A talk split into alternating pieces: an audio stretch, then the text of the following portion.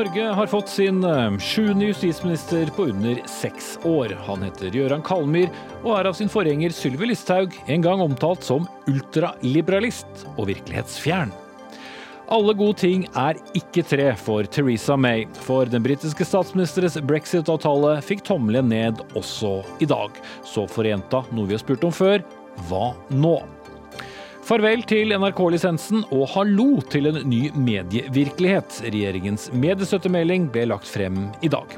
Og er du helt frisk, men er døv, ja, så får du ikke nødvendigvis gi blod. Ikke fordi det er noe galt med blodet, men fordi du har med tolk. Det bryter med pasientsikkerheten.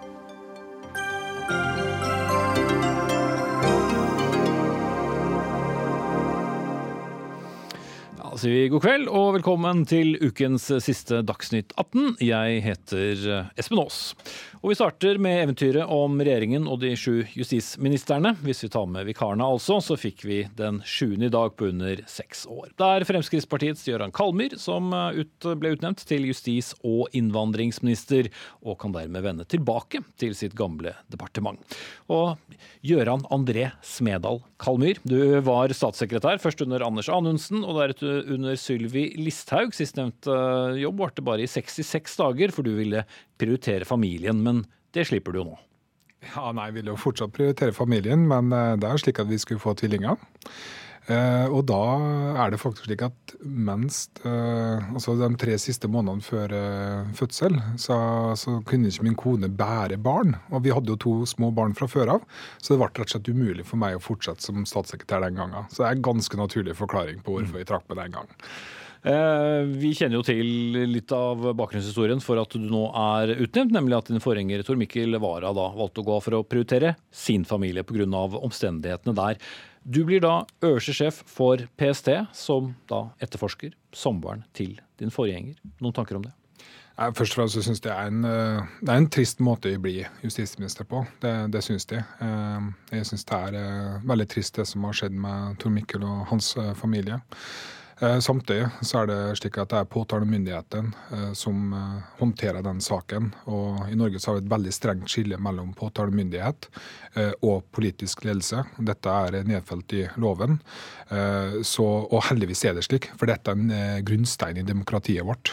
Vi skal ikke ha noe politisk innflytelse i etterforskning eller påtalespørsmål. Mm. Så det er et spor som går sin gang, helt uavhengig av meg. Mm. Jeg leste om ikke akkurat nylig, men for noen måneder tilbake om deg i boken til en annen av dine forgjengere og din tidligere sjef, Sylvi Listhaug. Der sto du omtalt som den brautende og morsomme romsdalingen, men også som ultraliberalist og litt virkelighetsfjern. Hvem er det vi har fått som justisminister? Ja, det, det, er vel en eh, person fra bygda i Norge. Uh, og jeg er jo den jeg er. Uh, jeg er en bygdegutt. Men ultraliberalist? ja, man, man, vil jo så klart ha en modningsprosess. Eh, og så klart det at En av de store fordelene i våre samfunn det er jo sånne ting som at alle får gratis utdannelse, vi har en sjanselikhet. Eh, men så klart at jeg er jo en person som er opptatt av personlig frihet.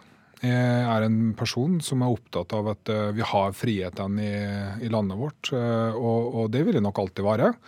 Som justisminister så skal jeg forholde meg til Granavolden-plattformen eh, og den politikken som utmerker seg der. og Den eh, syns jeg er veldig mange gode eh, punkter eh, både for Frp og for resten av regjeringa.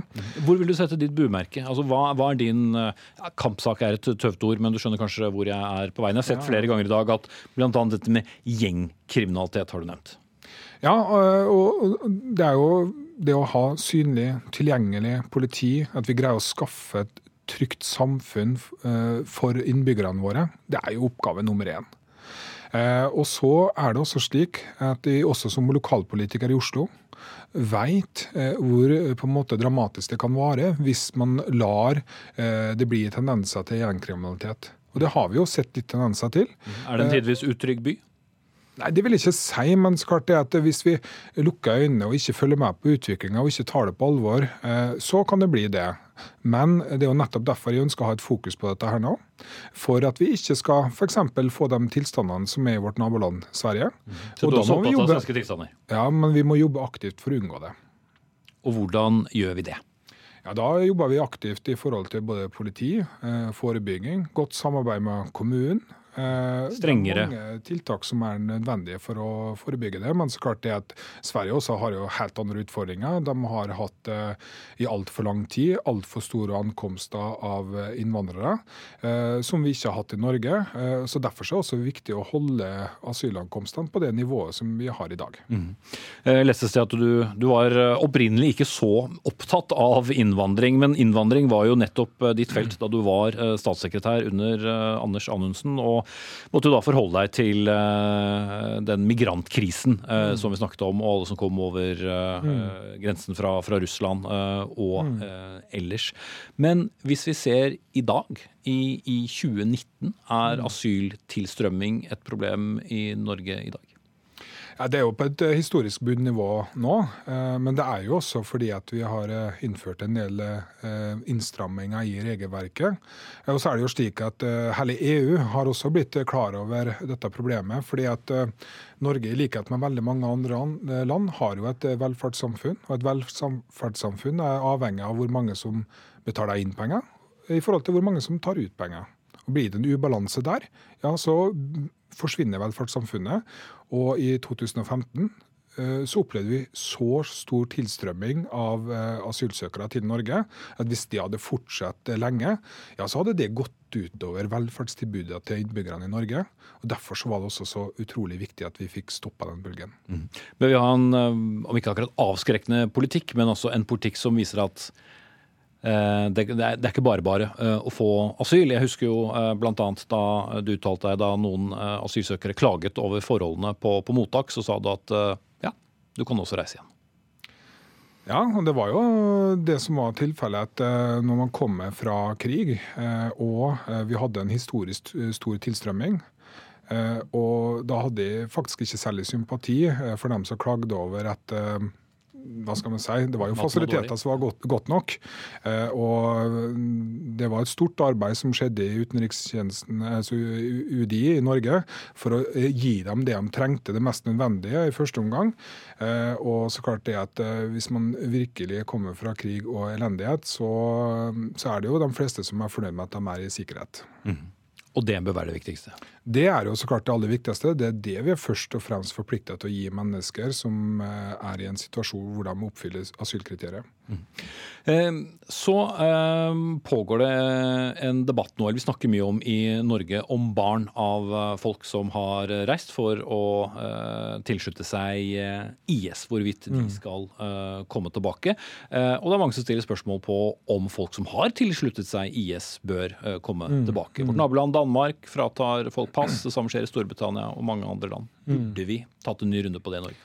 Ja, Nå har jeg vært tre år ute, og dette er jo en eh, relativt ny problemstilling som har kommet eh, etter at de forlot departementet sist, så jeg har nok litt behov for å lese meg litt opp på både problemstillinga og hva de har gjort i Danmark, før jeg kan kommentere det. Men så er det jo slik, da at eh, Men det er jo noe sitt parti har tatt til orde ja, ja. for? Men, men, det er jo også slik at allerede i 2015, da vi ble klar over at det hadde reist folk dit nå, så var vi ganske tydelige på det at det er, eh, det er eh, strafferettslig. Eh, altså det er forbudt å gjøre det. Det er forbudt å tilslutte seg IS. Og så er det opp til påtalemyndighetene å vurdere strafferettslig forfølgelse hvis de kommer tilbake igjen. Og det har jo skjedd i flere tilfeller. Mm. Du har de siste årene da jobbet bl.a. med lobbyvirksomhet som, som, advokat og som jurist. Har du hatt kunder som kan gjøre at du får habilitetsproblemer i jobben din? Eh, så langt eh, så er det ikke det i forhold til Justisdepartementet, men så klart det at eh, her kan det være i forhold til andre departement, så jeg vil ta en skikkelig vurdering av det. Og jeg kan i hvert fall love alle sammen at jeg kommer ikke til å være med og behandle saker der jeg er inhabil. Jeg har ganske god innsikt i hva som skal til for å være inhabil. Mm. Så du tror ikke det er noen uh, mulige habilitetskonflikter?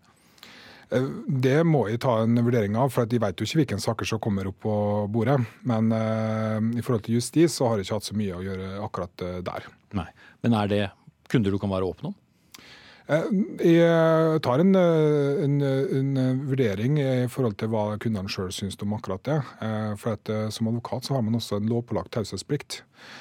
Så jeg må balansere det. Men jeg har allerede vært i kontakt med kunder angående det. Mm. Du skal slippe å svare på om du har planer om å bli, for det har vel alle justisministre hatt planer plan om. Men da sier vi foreløpig takk til deg, Gøran Kalmyr, ny justis- og innvandringsminister. Og så skal du få skifte plass med vår politiske kommentator eh, Lars Nehru Sand. Eh, det første jeg egentlig har lyst til å spørre deg om, eh, Lars, er noe Jørgen Kalmyr satte meg på bakrommet. At eh, rundt denne utnevnelsen så ringte ikke Lars Nehru Sand meg på forhånd. Det var første gang. Var det en liten overraskelse at det ble nettopp ham som sto på Slåssplassen i dag? Jeg tenkte han skulle fortsette å være sammen med disse tvillingene sine, som han sikkert får se, se noe til fortsatt, da. Men, og hadde unna han det. Men, men nei, det stemmer, jeg ringte ikke Gøran Kalmyr. Og det tror jeg ikke så mange andre gjorde heller. Men da husker å sende han en gratulasjons-SMS, det ble klart. Ja, Fordi spekulasjonene gikk jo i flere retninger. Det ble trukket fram eh, en del andre navn. Noen spekulerte i om tidligere samferdselsminister eh, Kjetil Solvik-Olsen skulle komme tilbake. Kunne parlamentarisk leder Andreas Limi være et navn? Eh, også videre. Men noen spekulerte også i om Høyre nå ville ta justisministerposten fordi det hadde vært så mange Frp-ere innimellom. Men ville det vært for kontroversielt? Det er i hvert fall viktig for eh, Fremskrittspartiet å, eh, å, beholde denne posten. og Jeg tror nok også de ville krevd noe eh, tilbake hvis de skulle gitt den fra seg, som ville betydd en større rokade i regjeringen, som nok Erna Solberg ikke var interessert i. Det er klart det, det er mildt sagt ugunstig for både Fremskrittspartiet som parti og Erna Solberg og hennes regjering totalt sett at det blir så mange og hyppige utskiftninger nå i de senere årene i denne posisjonen her. Det er viktig viktige prosjekter denne statsråden har ansvaret for å føre vel i havn. Og det er eh, en kritisk fase av politireformen. Dette kom jo eh, uventet på, så det er ingen som har lagt noen noe planer for dette, selvfølgelig. Eh, og med det bakteppet så er Kalmyr et godt navn fordi han kjenner historikken til Han vet i departementet som arbeidsfellesskap. Han, han kjenner denne regjeringens politiske ståsted og hvilke prosjekter de har jobbet med de, de for, for få år siden. Eh, og han kan innvandringsfeltet. Han har styringserfaring som tidligere byråd. Eh, og han, eh, han er en, en hardhaus i politikken fra Fremskrittspartiet som, som, klarer å lede et departement, får vi tro. Mm.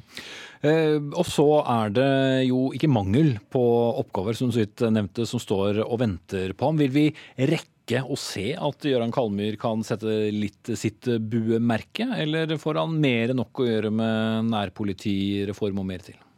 Han får ikke lang tid til å sette seg inn i, i de sakene som løper. Nærpolitireformen som du nevner, er nok det vi nok vil se han mest i, i offentligheten om. Rett og slett fordi det er en viktig valgkampsak. Eh, ikke minst i et lokalvalg nå, men også i et, eh, et stortingsvalg om, om, to år. Og, og, det er opposisjonen med Senterpartiet i spissen, men også Arbeiderpartiet, som er interessert i regjeringen å ta, eh, nei, å ta regjeringen på dette i en valgkampsituasjon. Og det er en slags akilleshæl for Erna Solberg og regjeringen at, at justisfeltet som sådan har, eh, har vært eh, preget av så lite kontinuitet, og en reform som ikke går på skinner eh, ennå. Det er et fagmiljø i politietaten, ansatte der, som mener dette går dårlig. Det er lokalpolitikere, ordførere og ikke minst befolkning rundt omkring i Norges land som mener at nærpolitireformen ikke går godt og ikke burde vært satt i stand. Så Det er noe han vil måtte bruke mye tid på. og Så skal han jo nå eh, også styre i, i, um, i, et år hvor det blir en lokalvalgkamp her i Oslo, som man, man kjenner lokalpolitiske forhold, hvor gjengkriminalitet, ungdomskriminalitet, eh, kan bli en, en, viktig del av eh, valgkampen her. Mm. Takk skal du ha, Lars Nehru Sand, vår politiske kommentator.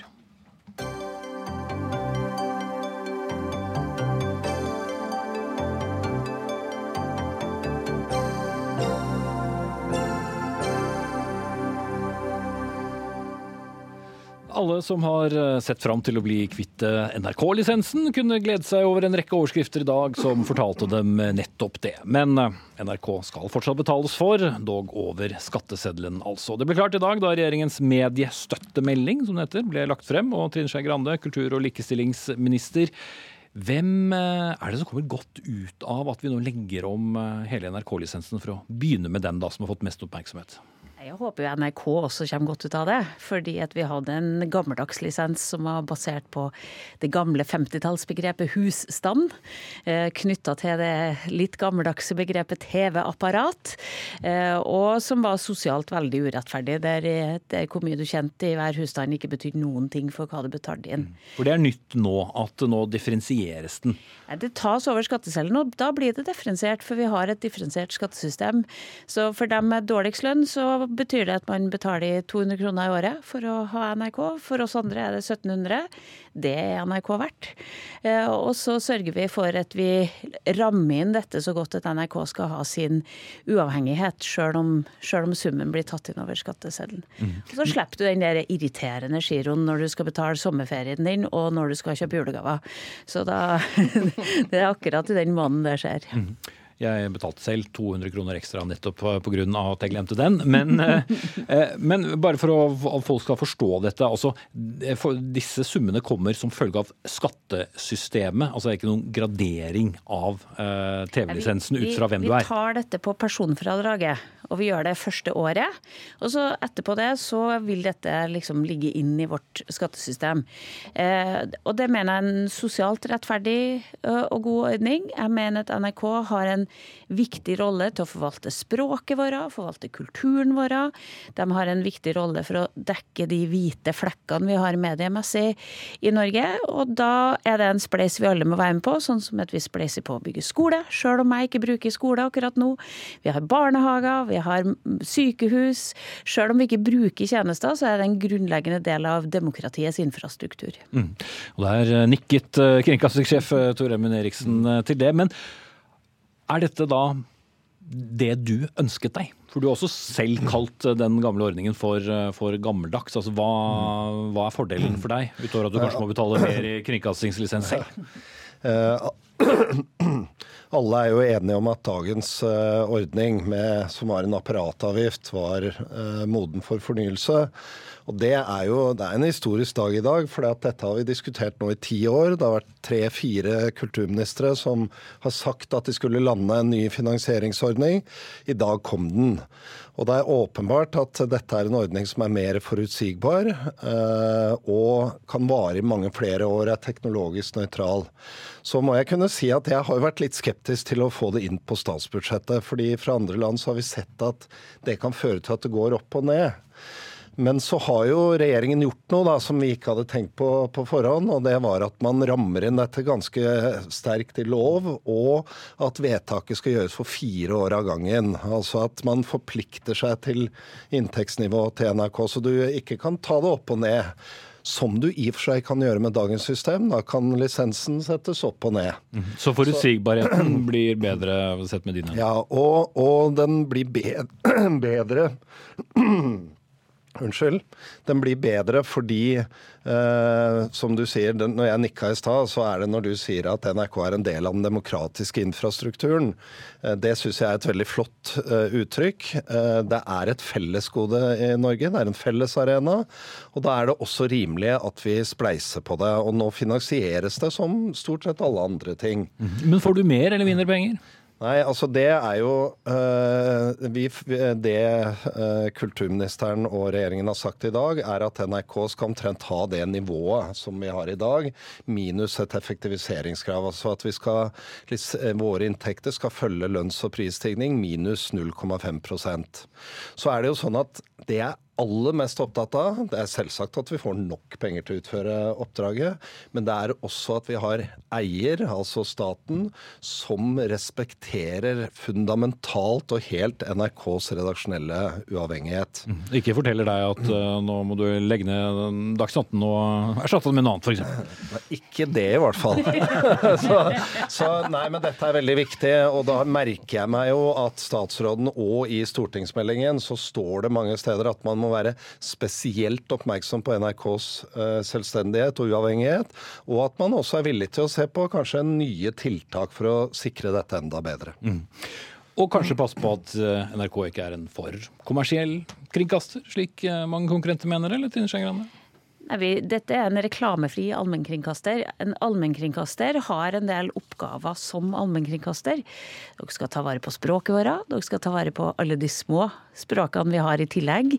Dere skal strekke dere etter å og omtaler ting som kanskje ikke de kommersielle gjør. Nye, nye krav? Nye Nei, gule lapper som følger med den nye ordningen? Nei, jeg tror ikke det er så mye gule lapper, men vi understreker at det er viktig at NRK tar en oppgave med å dekke både de saksfeltene og de geografiske områdene som ikke har mediedekning mm. til vanlig, og det har NRK en spesiell oppgave på. For dit skal jeg nå. Vi skal ikke bare snakke om NRK.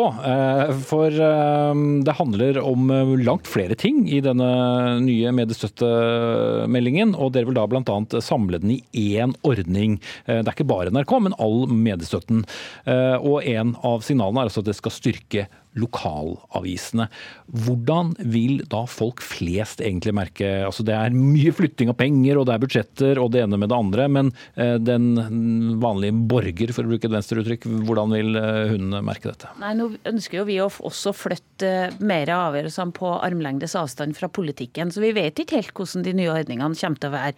Vi ønsker å sette oss noen nye mål, og en av de målene er at vi vil ha færre geografiske skygger for media. Vi vil ha færre steder der ingen ser en journalist på et kommunestyremøte der ingen stiller ordføreren et eneste kritisk spørsmål, der folk står og knytter handa i lomma og er irritert over hullene i veien, men ikke har én journalist å ringe for å komme og ta bilder. Eh, jeg ønsker jo at vi skal kunne dekke hele landet på en, på en grunnleggende måte når det gjelder god og kritisk journalistikk. Det tror jeg er viktig for demokratiet vårt. Eh, I meldinga ligger det en analyse som handler om at jeg er litt skremt over at vi ser i land der demokratiet fungerer dårligere og dårligere, og tilliten mellom folk blir lavere, så er det lokalavisene som mm. mangler. Det er Skal... den journalisten som er nær, som kan ta opp når folk blir forbanna, og som teller i demokratiutviklinga.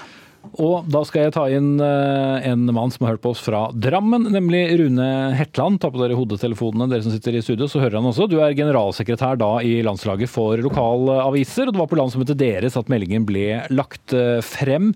Er det en jubeldag, vil du si det allerede, eller må dere se hva som står med eventuell liten skrift her etter dette er en jubeldag, det er det ikke tvil om. Eh, vi har fått vakre ord fra sentrale politikere mange ganger, men vi har aldri fått en melding og en kulturminister som viser stor forståelse og respekt for den viktige jobben lokalavisene har. Kulturministeren viser at hun ønsker og ser at det er like viktig med god og grundig journalistikk i de enkelte lokalavisene som det er i riksavisene. Og det er utrolig nok nytt ifra, ifra, i, en mediemelding. Og det er så tydelig at her skal det gis et løft i ressursene nettopp til å drive den gode, viktige journalistikken i kommunene der alle Altså det er i Kommune-Norge som leverer alle tjenester til innbyggerne. Mm. Nesten alle tjenester til innbyggerne. Og da er, da er, det bare lokalavisene som kan følge, ha et kritisk lys på lokalpolitikken. Mm. Du skal slippe å gjenta alle, alle tingene som Trine Skei Grande sa, bare hvis du venter et annet. Jeg skal ha med fjerde person her, nemlig Irene Halvorsen. Du er sjefredaktør i Nasjonen. For når noen får, så må ofte noen gi fra seg. Og avisen som du er sjef for, er det som kalles en meningsbærende, riksdekkende avis, som da kan få endret støtteordningen. Ja, det kan vi jo. Jeg vil bare aller først, eh, når jeg er så heldig å være her, få si at eh, det er veldig mye bra i denne mediestøttemeldingen. Eh, det er en melding som godt beskriver utfordringer i medielandskapet og viktigheten av et mangfold av medier i et land som Norge. Så det syns jeg er veldig bra. Så er vi i Nasjonen er jo veldig opptatt av levende lokalsamfunn, så lokalavisene er lupe og lim i lokalsamfunnene, og det er viktig å styrke styrke dem. Eh, det vi imidlertid er redd for, er at man her, for å prøve å um, unngå eller eh, fjerne noen blindsoner da, i norsk journalistikk, så risikerer man at nye oppstår. Fordi man eh, etter en overgangsperiode så vil man her finansiere en eh, styrking av lokalavisene på bekostning av eh, særlig de riksbredte meningsbærende avisene. Og det vil bety en litt styrking av et mangfold av lokalaviser, og kan bety en ganske vesentlig svekkelse av fire riksspredte meningsbærende aviser, som er ganske vesentlig i det norske mediemangfoldet i dag. Og bare for å si det Kan ikke Trine Skei Grande svare på det først? Ja, Det er riktig. Det er ti aviser som nesten tar alt det vi har av mediestøtte i Norge. De ligger i de store byene eh, og kalles nummer to-aviser. Jeg syns begrepet meningsbærende Jeg tror det er mange aviser som føler Jeg tror Aftenposten også føler seg meningsbærende i, i Oslo. Men, men, eh, så det som er viktig for oss, er jo at vi ønsker å styrke mediestøtten. Vi ser at vi skal øke den i årene som kommer. Den har stått stille i mange år. Men vi har også sagt at det er viktig å se på at det ikke kan være ti aviser som tar en så stor andel av mediestøtten.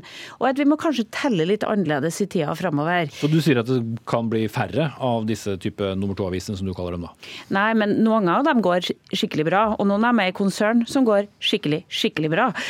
Så jeg tror nok også at de konsernene ser at dette er aviser som er, lønnsomme å eie og, og drive. Eh, så det, det, det, tror jeg det ligger mye potensial i. Det er jo ikke snakk om å skru av krana til noen av dem. Det er snakk om Nei, men Mange av de går vel godt fordi de får penger utenfra, og ikke bare fra abonnenter? Jo, noen av dem hadde også gått godt uten de pengene. Det viser de resultatene vi har fått de, de siste, siste, dagene. Mhm. Men, Hvordan går det med dere, Halvorsen? Ville dere overlevd på en uh, reduksjon? I pressestøtte? Vi klarer oss per i dag ikke uten pressestøtte. Det er helt Nei, Det skal jo ikke bli borte, men altså, hva, ville, hva, hva, frykter dere at kan eh, skje med deres avis? Nei, det, det har jeg ikke lyst til å spekulere i nå. Det er jo heller ikke klart hvordan denne ordningen vil altså Vi har fått beskjed om at det kommer en overgangsordning, så alle effektene av dette vet vi jo ikke. Men ikke sant, de fire største mottakerne av produksjonsstøtte i dag, da, de eh, mottar omtrent halvparten av det navneskiftet i NSB koster. Så du får altså fire veldig gode aviser for prisen av en V, og det er ikke så dyrt, det. Eh, undervurdere VR, altså. Nei, for all del. Eh, det går ut fra. Men, men eh, Hetland, mener du at dine aviser også i så fall kan fylle opp det, eller dine medlemsaviser, kan fylle opp det tomrommet? Altså, først og fremst så mener jeg at uh, nå er det på tide, og, og, det har kulturministeren nå vist at hun er enig i. Nå er det på tide at vi løfter journalistikken rundt om i, i hele landet, og i lokalavisene rundt om i hele landet. Lokalavisene er mange av de små, spesielt de som ikke er i konsern, de sliter med den digitaliseringa med Og det må en nå gjøre for å nå ungdom og nye lesergrupper. Og et løft nå gjør at disse avisene får en mulighet til å bli digitale, til å se en mulighet i framtida for å få brukerbetaling fra nye grupper. Og Det er helt avgjørende for at disse avisene skal klare seg, og for at disse avisene skal leve, levere relevant og viktig journalistikk for leserne sine. Mm. Halvorsen kort. Ja, nei, jeg har bare lyst til å si at uh, Skei Grande sier veldig grundig på å gjenta på pressekonferansen uh, viktigheten av et sterkt redaktørinstitutt og frie og uavhengige medier. Det syns jeg er veldig veldig bra at hun vektlegger. Så vil jeg advare mot en utvikling med mer prosjektstøtte uh, og mindre grunnstøtte. Det vil kunne utvikle seg til mer byråkrati og kan svekke redaktørrollen i en tid der presset er stort med falske nyheter og såkalte alternative medier. Så jeg tenker at det er en utfordring som vi må ta med oss eh, videre. Mm. Og når jeg ser på klokka, så er det nettopp det dere må gjøre, for tiden vår er ute. Trine Skei Grande, kultur- og likestillingsminister. Tor Gjermund Eriksen, kringkastingssjef i NRK. Irene Halvorsen, sjefredaktør i Nasjonen. Og Rune Hetland, generalsekretær i Landslaget for lokalaviser.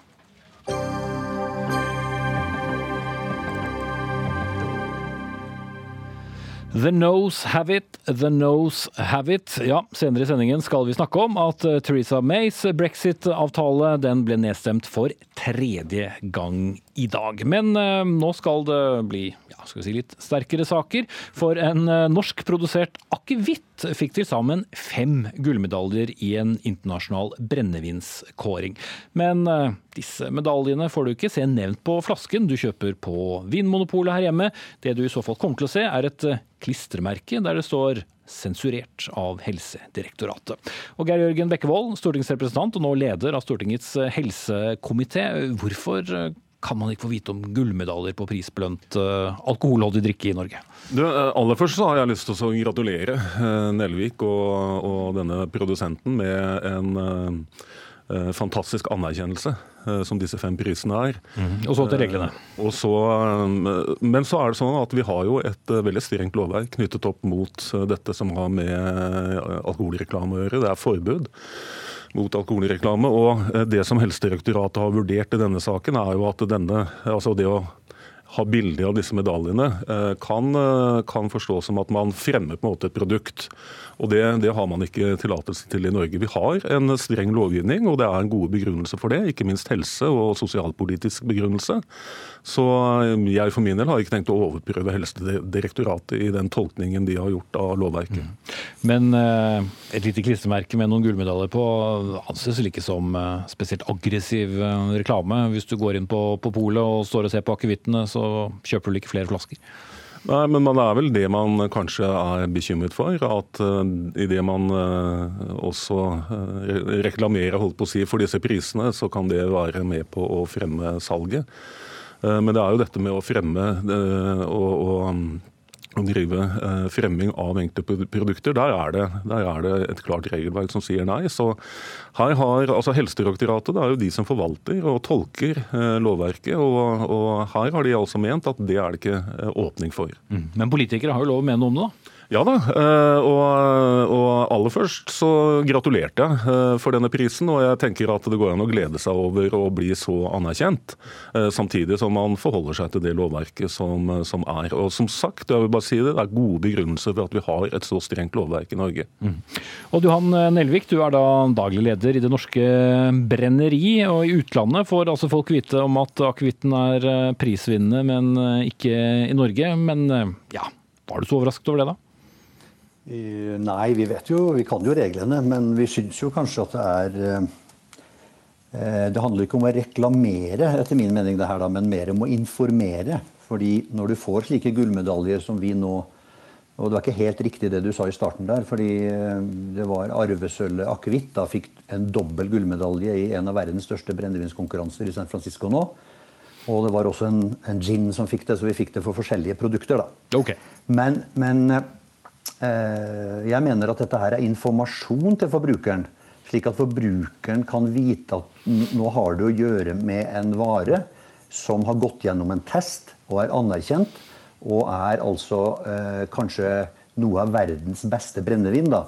Eh, som det er når du får en dobbel gullmedalje, så er du rett og slett i verdensklasse. Eh, og når du går i hylle, altså en forbruker går eh, på hyllene i Vinmonopolet, som vi for øvrig er veldig glad i, så kan du fort gå deg vill. Det fins en masse eh, produkter der som har både 200, 300 og 400 gram sukker. Og her har de også sjansen til å se at ok, her har vi en eh, arvesølv akevitt, den har dobbel gull, den er sikkert bra, den har lyst til å prøve. Jeg tror ikke det øker eh, alkoholkonsumet, eh, men at folk kan velge kvalitet og da ikke kvantitet. Mm. Eh, og så er det sånn, Bekvold, Du kan f.eks. skrive unik smak på en flaske, men altså ikke vinner av internasjonal brennevinskonkurranse. Man får jo lyst til å stille spørsmål om den loven er spesielt tydelig? Ja, nei, Det kan man godt stille spørsmålstegn om. Altså Det som eh, er tillatt, det er å komme med nøktern informasjon om produktet på sine nettsider f.eks. Eh, men disse gullmedaljene som det vises til, har også Helsedirektoratet vurdert slik at det er mer et, å, å fremme et produkt enn å gi en nøktern informasjon. Eh, så, så, har de tolket det slik. Og hvis det er huller i lovverket eller ting i lovverket som eh, vi bør se på, så skal vi alltids gjøre det. Men jeg tror uh, ingen blir overrasket når jeg sier at jeg for min del fra KrF sin side ikke kommer til å ta et initiativ som altså, liberaliserer dette lovverket. Vi, vi, er jo nå, altså Dette her er jo nå en, en type trend i Norge. Vi, vi lager lokale arbeidsplasser Eh, rundt om. Vi har Lyngen i Troms, eh, på det ytterste skjær i Myken i Rødøy i Nordland, Inderøya i Trøndelag osv. Så, videre. så dukker det nå opp det som er håndverksbrennerier. Som ikke produserer så store mengder, men satser på kvalitet. Eh, og det er klart, da er vi, syns vi at det er en type overbyråkratisering nå. For vi får jo ikke lov til å fortelle om omtrent ikke vår eksistens i det hele tatt. Vi får ha nøktern hjemmeside. Vi får ikke lov til å være på Facebook. Eh, men store internasjonale aktører kjører jo på ute i verden. Og du skal ikke lenger enn til Sverige, så er jo gullmedaljer tillatt. Mm, men du kan vel reklamere i utlandet, da? Hva sa du? Du kan vel eh, da reklamere i utlandet? Ja, da, men i utlandet skal vi reklamere med våre gullmedaljer. Faktisk, Vi bør ikke lenger enn til Sverige, sa jo dette her lov. Men bare for å snu på det, Nelvik. eh, Hvis du da skulle ha fått lov til eh, å komme med dine gullmedaljer på, på etiketten eh, på flaskene i Vinmonopolet, så måtte vel da konkurrerende alkoholprodukter også fått lov til å ha det samme? Selvsagt. Selvsagt. Det deles ut sånne priser for, eh, til brennevin, til vin osv. Dette er store internasjonale konkurranser. Og jeg har lyst til å si Vinmonopolet de eh, tillot jo dette her lenge og syntes de hadde en god regel. Internasjonale konkurranser, sånn som arvesølvet vant nå, dobbeltgull, det var tillatt. Men så kom plutselig Helsedirektoratet og en eller annen byråkrat og fant på at nei, dette her eh, fører bare til at man selger mer eh, akevitt. Og etter min mening så finnes det lite belegg for det. Og vi som da driver alle disse små håndverksbrenneriene nå og prøver å lage arbeidsplasser rundt omkring, vi har i hvert fall veldig lyst til å møte Bekkevold og komiteen for å, for å få lov til å, å, fortelle litt om den hverdagen vi har, da. Eh, som, som, ikke er så lett. Vi, jeg tror mange av oss bryter loven eh, kanskje en, eh, skulle si en gang i måneden, men eh, vi håper ikke det, for det er blitt et eh, veldig vanskelig å finne frem her, altså. Bekkevold, eh, det er ikke sikkert du må smake, men du kan i hvert fall eh, ha møte. Ja, altså, men, men, men du ser, det er, det er noen paradokser eh, ute og går her. Man kan godt si det at det er noen paradokser, og man kan peke på at det er forskjell på Norge og Sverige, og i Sverige som er man mer liberale. Altså det, det, det, du trenger ikke gå lenger enn til Systembolaget, så ser du at det er stor forskjell, også i pris, mellom Norge. Men vi har en streng lovgivning, og det er helsepolitiske og sosialpolitiske begrunnelser for at vi har det. Og det er, det- ikke sånn, men- det er ikke sånn at det sitter plutselig en byråkrat i Helsedirektoratet som eh, kommer på en fiks idé om at nå skal vi ha et lite forbud der.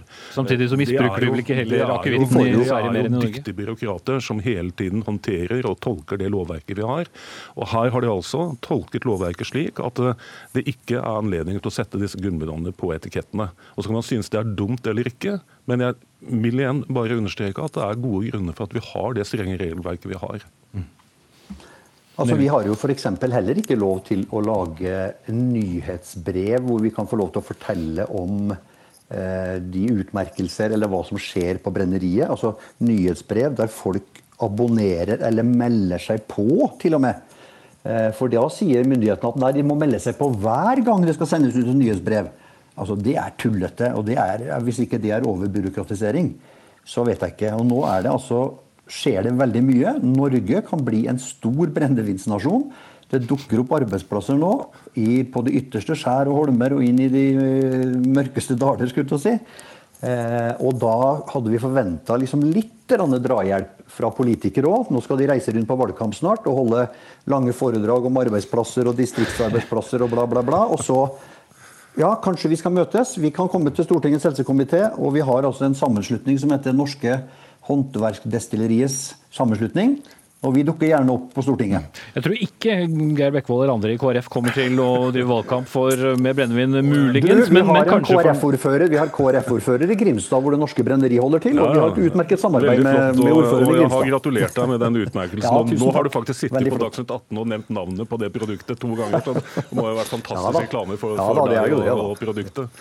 Men, men at vi skal bli en, en, en, en Men ingen unntak for næringsutvikling. brennevinsnasjon, eh, jeg er ikke helt sikker på eh, ønsker Du, se på Skottland. Altså, ikke le av det. Altså, se på Skottland. Det er et av de største og viktigste produkter som lages i hele Storbritannia. Det er faktisk skotsk whisky. Og vi har øh, like store muligheter til i Norge. Nå lages det også whisky på mange mange plasser. I, vi i Grimstad på Norske Brenneri var først ute med kom den første. Ja. Jeg skal stoppe deg før det kommer flere produktnavn nå, Ja. Odd Johan Nelvik, Ja, daglig leder i Det Norske Brenneri. Takk skal du ha. Ja. Ja, takk for det. Takk for det. Eh, Da blir det sikkert hyggelig. Eh, Og takk til Geir Jørgen Bekkevold, stortingsrepresentant eh, i KrF og leder av Stortingets helsekomité, altså.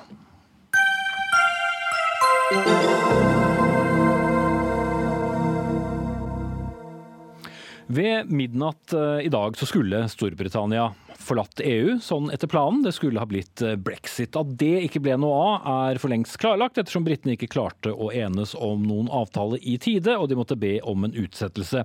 Og noe enighet eh, ble det heller ikke i dag, da parlamentet for tredje gang stemte ned Mays brexit-avtale. Order! Order! The eyes to the right, 286. The nose to the left, 344. Ja, Da ble det nok en gang klart at Theresa Mays eh, avtale ble nedstemt, og nei-siden da hadde en majoritet på nesten 60 stemmer.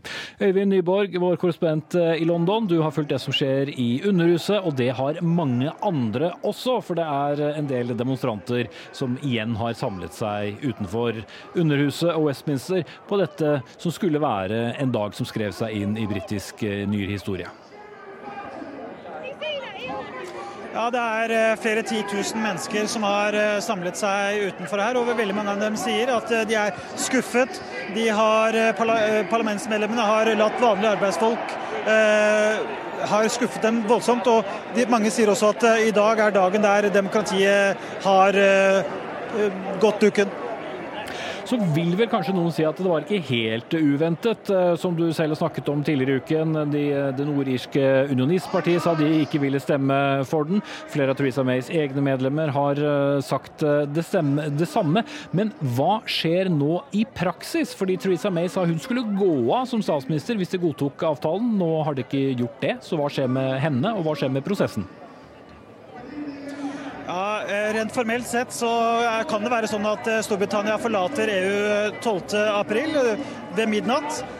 Men det er lite trolig at det vil skje. Det meste vil jo tyde på at både Storbritannia og EU er jo interessert i å, å få til da en utsettelse for å se om det, det kan hjelpe på den fastlåste situasjonen. Det andre som skjer, er at på mandag så vil det holdes eh, en slags superfinale over de alternative voteringene man hadde om brexit eh, i går. og Da er det særlig en ny folkeavstemning og et medlemskap i EUs eh, tollunion som vil være høyaktuelle ting å, å diskutere. Og, og kanskje kan, man, kan, det være det som er den måten man kan få løse den, denne floken på. Men så er det som du selv kanskje hintet om. Statsminister Theresa May hun har akkurat nå møter i, i Downing Street med ulike politikere, og hun lever farlig etter nok et eh, nederlag. Og det er jo bare eh, snakk om tid før hun kommer til å gå av. Men hun har jo da sagt at eh, jeg gir meg ikke før det er en avtale på plass. Mm. Og meningene blant de mange demonstranter du står sammen med utenfor Westminster, Øyvind, er sikkert delte der også. Nå skal jeg henvende deg til deg, Erik Oddvar Eriksen. Du er professor og leder for Arena, Senter for europaforskning ved Universitetet i Oslo.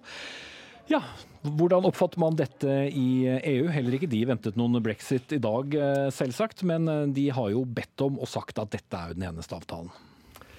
Ja, de vil jo ha litt sikkerhet og, og, og forutsigbarhet her. Og, og, det er klart dette, dette, rammer også EU. Så de har jo da innkalt til et, eh, et toppmøte igjen da 11 eh, april, altså for å, å, å, se hva de skal gjøre videre. Hvis ikke da, altså mot formodning at, klare, at eh, britene skulle klare å komme fram til et, et, et, et endelig, forslag til en avtale da, i løpet av, av denne tida. Så vi har jo, har jo egentlig fått utsatt nå 29.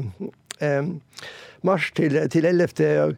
april, da, men da er, det, da er, det, stopp igjen. Så, så da, må, da, må, ett av to skje. Enten, enten må, må da, de få en utsettelse igjen. Mm. Eller så må de gå ut uten en, uten en avtale, da, hvis de ikke hvis, ja. Så, så, så da, da, er det, da er det stopp. Ja, og Det at Storbritannia skal gå uten en avtale, ønsker jo heller eh, ikke EU. Eh, e så dermed er man inne i en slags eh, krisemodus. Men det kan likevel skje at Storbritannia forlater EU uten en avtale. For tålmodigheten begynner jo å tæres på. Ja, tålmodigheten tæres på. Det er jo riktig. og sånn, altså, det, det, ingen vil ha, kan kanskje komme til å bli, eller det veldig få vil ha, vil kan, kan, kanskje komme til å hende pga. tilfeldighetenes spill, spill her. Så, så, så det er, det er, en reell fare for, for, at dette skulle skje. Så, så man trodde jo lenge at dette var rydda av banen nå, for det er jo objektivt et, et, et flertall i uh, Underhuset for en type soft brexit, for en, en type tollunion eller uh, noe lignende som EØS-avtalen. Men det ble jo også likevel nedstemt da det skulle stemme over de forslagene tidligere denne uken? Ja, det, det, det ble det jo. Altså, så det er ikke det er ikke det at, de, de, at, de, at, at, det er flertall for det, men hvis man ser hvordan, hvordan stemmene fordelte seg, og sånn, så var det jo ganske stor. Etter, altså var det De to, to, mest realistiske alternativene det var jo rundt eh, folkeavstemning og, og ny folkeavstemning, også da dette med tollunion. Så, så men hvis man ser på tallene, så ser jo de ut til å peke i den, i den eh, retning. Så, så eh, men det, det, er veldig vanskelig når det går som partipolitikk i det, når hun har kasta inn sitt egen eh, posisjon i, i, dette spillet også. Så, så, da er det mange faktorer her, og mange ukjente faktorer som spiller inn her. Mm. Ja, og de mange ukjente faktorene, Øyvind eh, Nyborg eh, foran Westminster, eh, rett ved Winston Churchill-statuen, ser det ut som det står. Det er jo det både parlamentet og regjeringen nå må ta innover seg og prøve å bane en eller annen vei. Hva sa Teresa May om situasjonen da hun kommenterte den rett etter avstemningen? Hun sa jo at dette var eh, en, eh, et stort nederlag eh, for henne personlig. Dette er jo noe hun, som hun sier, hun har, hun har satt veldig mye personlig kapital inn i. Men så sa hun og advarte også da politikerne om at dette her dette fører til at prosessen blir utsatt nok en gang, og at det, det blir da et spørsmål om at Storbritannia må ta del i i valg til nytt EU-parlament. og Hun vet jo at det svir for eh, veldig mange. Men så kan det jo da hende, og det, dette er på et hypotetisk plan, for alt eh, er jo litt oppe i lufta her nå, så, så kan en av hennes eh, kjepphester falle. Nettopp dette med medlemskap i EUs tollunion. Kanskje kan man lirke det inn i en politisk erklæring med EU, og, og på den måten få Arbeiderpartiets medlemmer over til å stemme på en brexit-avtale. Og, og, dermed så er hun kanskje i boks. Men alt dette er eh, spekulasjoner og, og mat for politiske kommentatorer framover. Mm. Og, nettopp det poenget med, med tollunion, eh, Øyvind eh, Nyborg, det har jo vært noe som Labour selv har, har, ivret for. Så hvis hun hadde kommet med en utstrakt hånd, kanskje for en stund siden, til Jeremy Corbyn og sagt skal du og jeg begynne å snakke, om, snakke sammen på, på tvers av gulvet her, så kunne man kanskje unngått noe av kaoset. Ja, og det er nok en god del eh, man kunne kanskje ha lært av eh, norsk politikk. I hvert fall sett i etterpåklokskapens eh, lys, så har det vel kanskje ikke vært så mye vilje til å samarbeide over uh, blokkene. Det, det, har man ikke noe lang tradisjon for uh, her i, i, Storbritannia. Uh, og Det er, det er f.eks. litt underlig at det er først dagen før man skal forlate EU at man holder denne avstemningen i parlamentet der man forsøker å lokke ut av politikerne hvor de, er, de egentlig vil hen. Så, så, det er klart Men ingen vet hvor dette her bærer en så langt. Det er blir veldig spennende dager framover. Eh, Erik Oddvar Eriksen, en del britiske, særlig konservative politikere, da, har jo også syntes at EU har gjort det vanskelig for dem. De har gitt lite ved dørene. Samtidig som dette er jo en eh, situasjon som EU aldri har hatt før. Eh, at et så stort land har, eh, har meldt seg ut. Kunne de også gjort det litt enklere, eller er det ene og alene britenes skyld? Ja, jeg oppfatter det sånn at det er noe alene britenes skyld. Altså, for, altså, de skulle ha den der eh, cherrypickingen, altså det at de skulle plukke, plukke fra lista og sånn. Og, og, og, det ble jo klart at EU måtte, hvis de skal opprettholde seg sjøl, så måtte de unngå den situasjonen. Så da har ikke EU noe å gi for hvis de skal opprettholde seg sjøl. Så er det jo det som skjer nå, altså hvis vi skal ha forlengelse. Ja, for, ja, det kan EU også gi dem, men det betyr at, må, at de må delta i, i EU-valgene. Altså EU er jo opptatt av sin egen beslutningsmyndighet myndighet og kapasitet her. sånn at de må jo ha ordna forhold fram til, eh, frem til valget, da, som skal, gå av staben 23. mai. Bare for å forklare det, da, da, skal man rett og slett velge inn britiske parlamentsmedlemmer i EU-parlamentet. Et parlament som folk har sagt at de ikke vil ha noe med å gjøre. Ja, og de konservative tror jo at de ikke skal stille representantene der. Så, så, så sånn at EU har noen, strukt, det er noen strukturelle greier med EU som gjør at de er omtrent nødt til å gjøre det de gjør, altså, hvis de skal fortsette å være sånn som, som de, de er. Så, så det, jeg tror ikke det er noen ond vilje. Altså, de syns brexit er dumt for, og veldig uheldig for, for, for EU også. Men, men det er noen, noen, ting som må overholdes her hvis EU sjøl skal klare å opprettholde seg. og, og men, men, Tusk sa jo nettopp det at han var veldig interessert i en, en forlengelse. Donald Tusk, altså. Ja, Donald Tusk, presidenten i, for, for, rådet. Og, og ut ifra det at, at, han så jo nå en bevegelse i stemmene. Det var fem-seks millioner som har skrevet under på et opprop om en ny folkeavstemning. og og, og, og, det var én million som samla seg i gatene her for, for en stund siden i, i, i, i London. Så de, de ser jo selv at de har også et ansvar for disse som ikke vil ut av, av, av, av EU også. Så, så ja, så her er det også en sånn litt sånn faktor med, med som, som, som, kommer inn. For jeg hadde, altså, jeg tenkte ikke lenger på, tenkte lenger på at det var helt uaktuelt for britene når May sier brexit minst brexit at de skulle være med i et, i et, i et valg nå igjen. Men det ser ut som det kan bli ganske sannsynlig. Mm. Øyvind Nyborg, til slutt fra deg i London. Ja, det er klart at Et litt spissfindig poeng når det gjelder Arbeiderpartiet, er nok at eh, utsiktene til at eh, en hard brexit-forkjemper, tidligere nei-general og tidligere utenriksminister og eh, mildt eksentriske Boris Johnson kunne ende opp i statsministerposten, har nok også ført til at ikke Arbeiderpartiet har villet fasilitere det ved å stemme på brexit-avtalen i dag. Vi får bare følge med, som vi har sagt så mange ganger i denne saken. Takk til Erik Oddvar Eriksen, professor og leder for Arena senter for europaforskning ved Universitetet i Oslo, og Øyvind Nyborg med oss direkte fra London.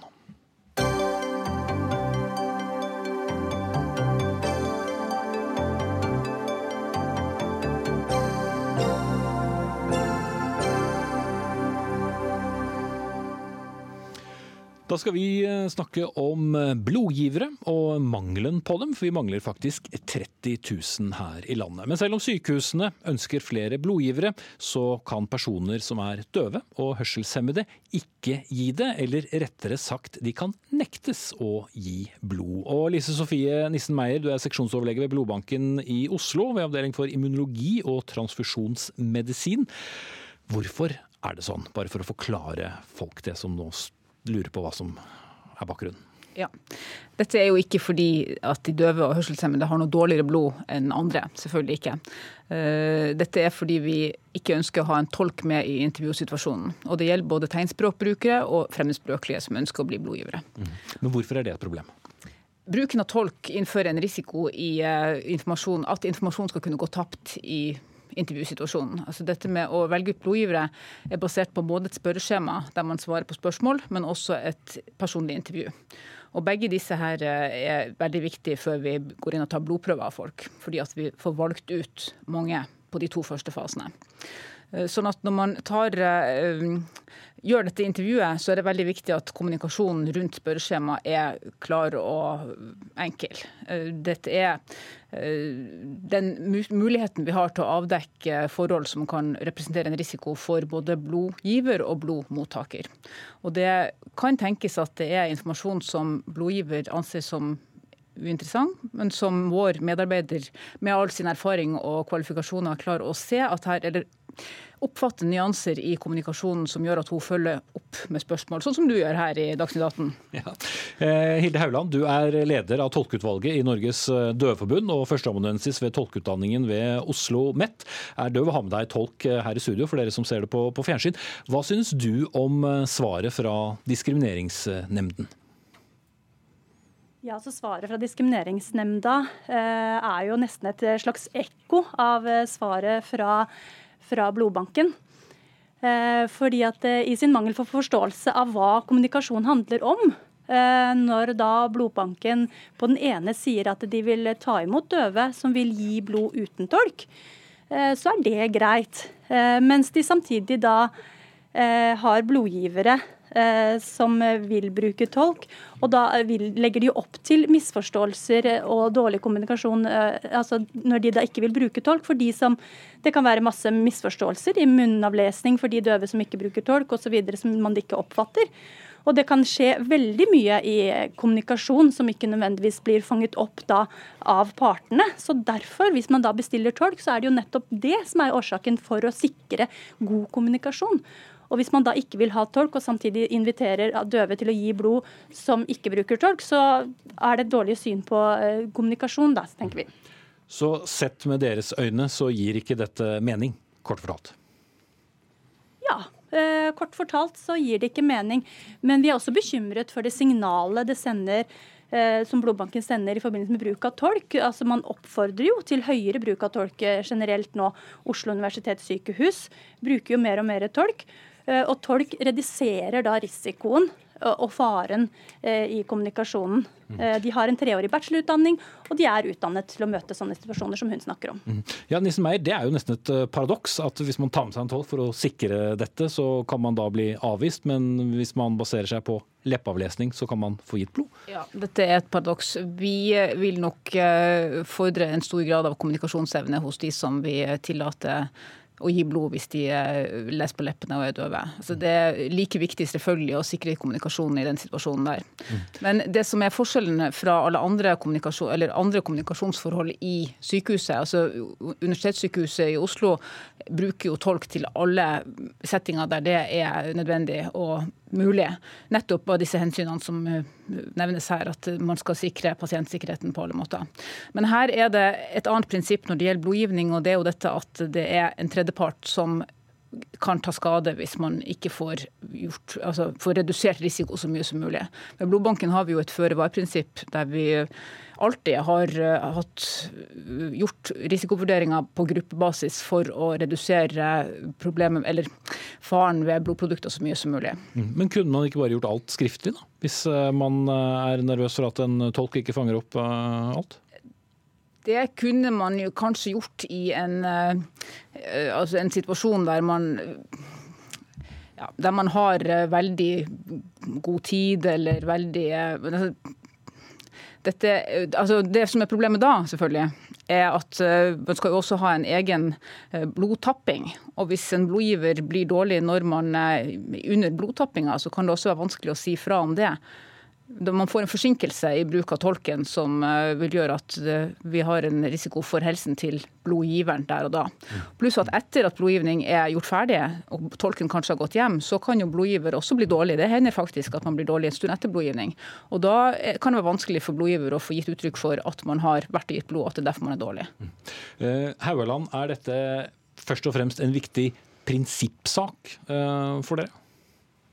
Ja, altså Det å gi blod i seg sjøl er jo ikke noe nødvendigvis en stor prinsippsak i den sammenheng. Prinsippet for vår del er mye mer hvordan folk oppfatter tolk og tolkens funksjon.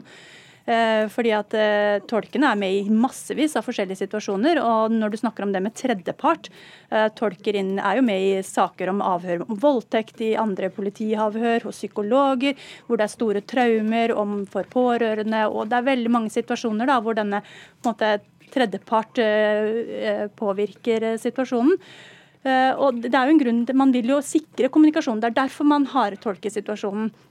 For å ivareta alle. og Vi sliter på en måte med å forstå hvorfor blodbanken syns at dette er så spesielt.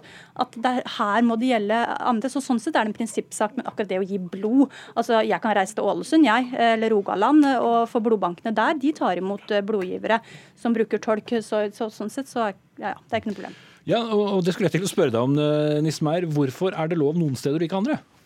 Ja, dette med bruk av tolk er ikke spesielt nevnt i blodforskriften. og Denne saken har ikke vært på dagsordenen i noe særlig grad eh, før i fjor vinter. sånn at her har det vært gjort lokale vurderinger, og det har vært greit.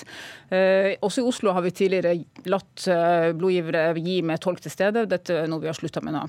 Men da dette spørsmålet kom på dagsordenen i fjor, eh, så gikk vi grundig inn i det og gjorde medisinske risikovurderinger på gruppenivå, som er det vi gjør med alle grupper som eh, gir eller ikke får lov å gi blod. Eh, og da har vi kommet til at vi vi eh, vurderer at denne risikoen er til stede, og den kan gå utover en tredjepart. Mm. Selv om de har andre regler andre steder?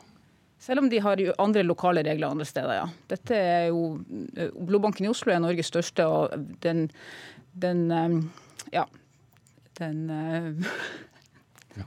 Kort til slutt, siste kommentar fra deg, Haugaland, om, om denne forskjellen. Ja, forskjellen med og uten tolk, tenker du forskjellen, eller? Eh, I hvordan eh, man opererer eh, på sykehusene? Å oh, ja, ja.